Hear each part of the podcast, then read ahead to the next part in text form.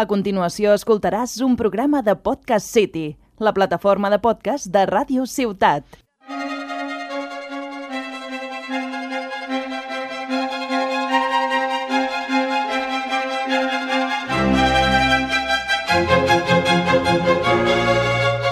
Entrevista a la vista amb Conrad Hortolà.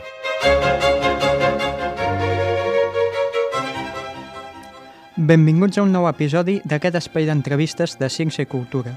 Avui tenim a l'altra banda del telèfon el professor Eudau Carbonell, que per qüestions d'agenda no ha pogut estar als nostres estudis. El professor Carbonell és catedràtic de Prehistòria de la Universitat Rovira i Virgili, codirector dels jaciments de Tapuerca i fundador de l'Institut Català de Paleocologia Humana i Evolució Social, del qual n'ha estat el seu primer director. Bona tarda, Eudal. Bona tarda. Com va tot? Va bé, sempre hi ha molta feina. Eh? La feina que fem no s'acaba mai. Per tant, molta feina, però endavant sempre amb molt ànim i contribuir que millori el coneixement i el pensament crític a l'espècie. Me n'alegro. Quina és la música clàssica que has triat per començar l'entrevista i per a què? Tu, ja saps que a mi m'agrada molt, m'agrada el barroc, m'agrada la música nacionalista, m'agrada tot, però m'agrada molt escoltar.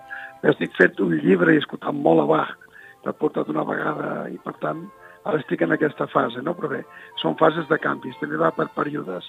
M'agrada molt Wagner, també, però depèn del període que estic passant, la meva relació vital la meva relació del coneixement.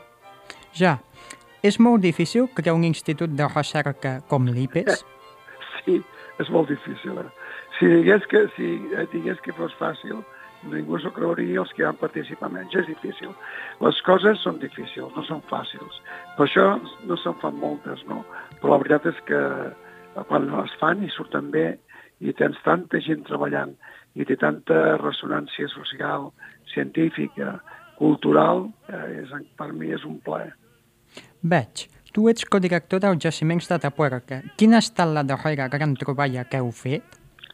Uh, probablement, uh, per l'espectacularitat que va tenir, van ser les restes d'1,3 milions d'anys uh, de la cima de l'elefante, la mandíbula d'aquella família, no? probablement uh, un, un homo erectus. Fascinant. A Tapuerca s'han trobat evidències de canibalisme. Com a gènere zoològic, som gaire diferents a altres carnívors oportunistes?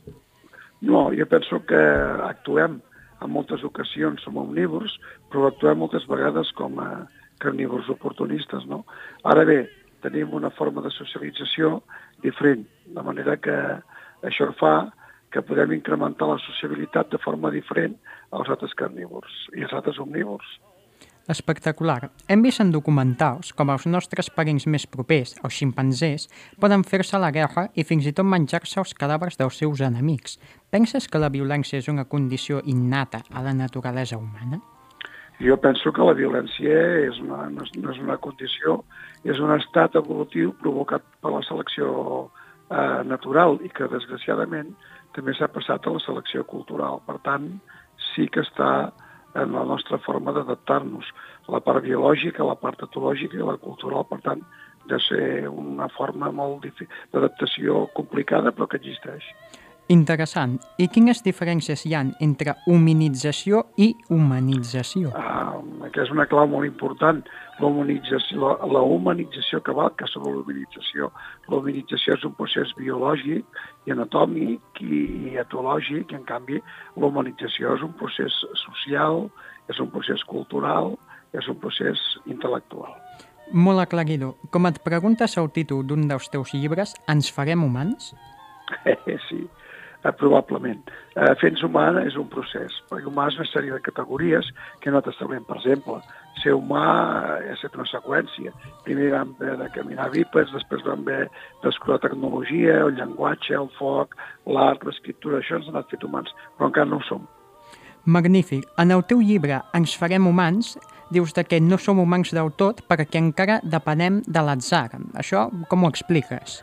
El molexar és una probabilitat, no és res més que una probabilitat. Llavors, jo sempre diem, quan siguem més capaços d'eliminar el percentatge aquest aleatori de les probabilitats i podem eh, establir la lògica com a forma d'organització, ja serem humans perquè no estarem tan eh, al, al, als redors del que és les formacions animals a la naturalesa. Molt bé. Tu dius que ens farem humans quan depenguem totalment de la lògica, o sigui, siguem éssers sí. totalment lògics, però aleshores això no ens convertiria en robots? Ah, això amb els robots segurament hi conviurem, no? probablement d'aquí a final de segle n'hi haurà moltes espècies i no estaran els robots, al contrari, espècies diferents generaran consciències diferents i lògiques diferents. I llavors les coses es mouran entre la lògica i no entre l'atzar i l'aleatorietat. Mm -hmm. D'acord. Passant a un altre tema, et faré una pregunta que també li vaig fer en un altre episodi amb Bienvenido Martínez Navarro. En el teu treball de camp segur que has viscut situacions de perill dignes de menció. Ens en podries explicar alguna? Només una, i molt perillosa, per cert, quan estava a l'expedició que van fer a Tajikistan o Uzbekistan, quan en un moment determinat, allà en un dels rius, que en aquesta zona del Pamir, em van agafar els mujahidines i em van tenir un temps allà amb ells. Sí? Molt temps, molt poc, perquè em van venir a buscar, van fer una senyal amb un camió, que era un camió de l'exèrcit rus, i automàticament vaig començar a córrer cap avall perquè tenia molt clar que no em podia quedar allà donat el perill de la situació que estava passant. Jo no parlava ni tetxic d'Uzbek, llavors era molt difícil comunicar-se. El millor era escapar-se. Inquietant. Quin lloc del món que has estat t'ha causat més impressió a nivell científic i humà?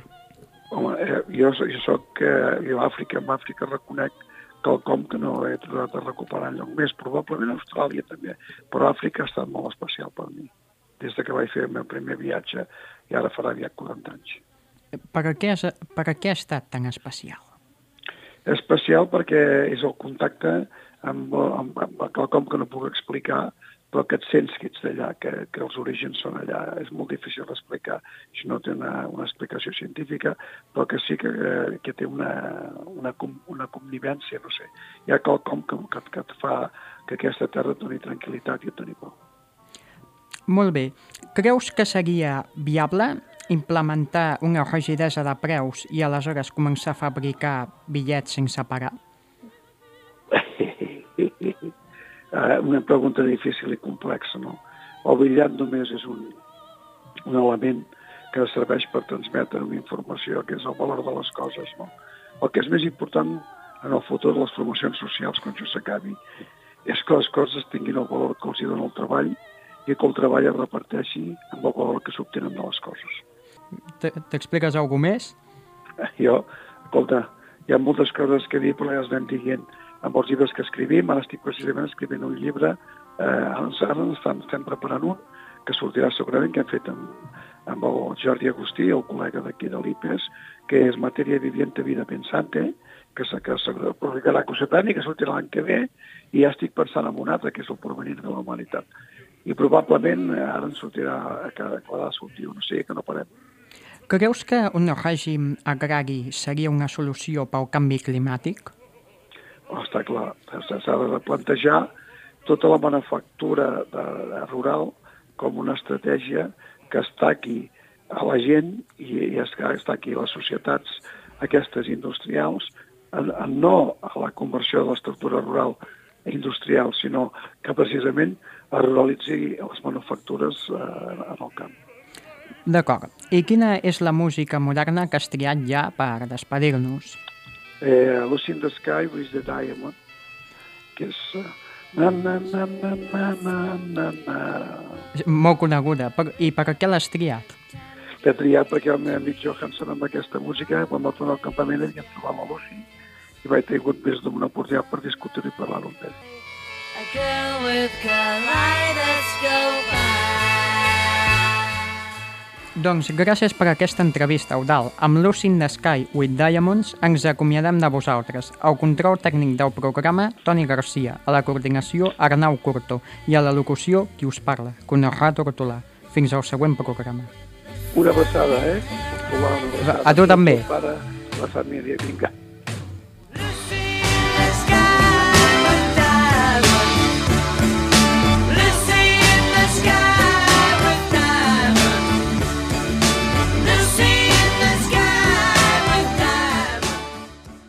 Has escoltat un programa de Podcast City, la plataforma de podcast de Ràdio Ciutat.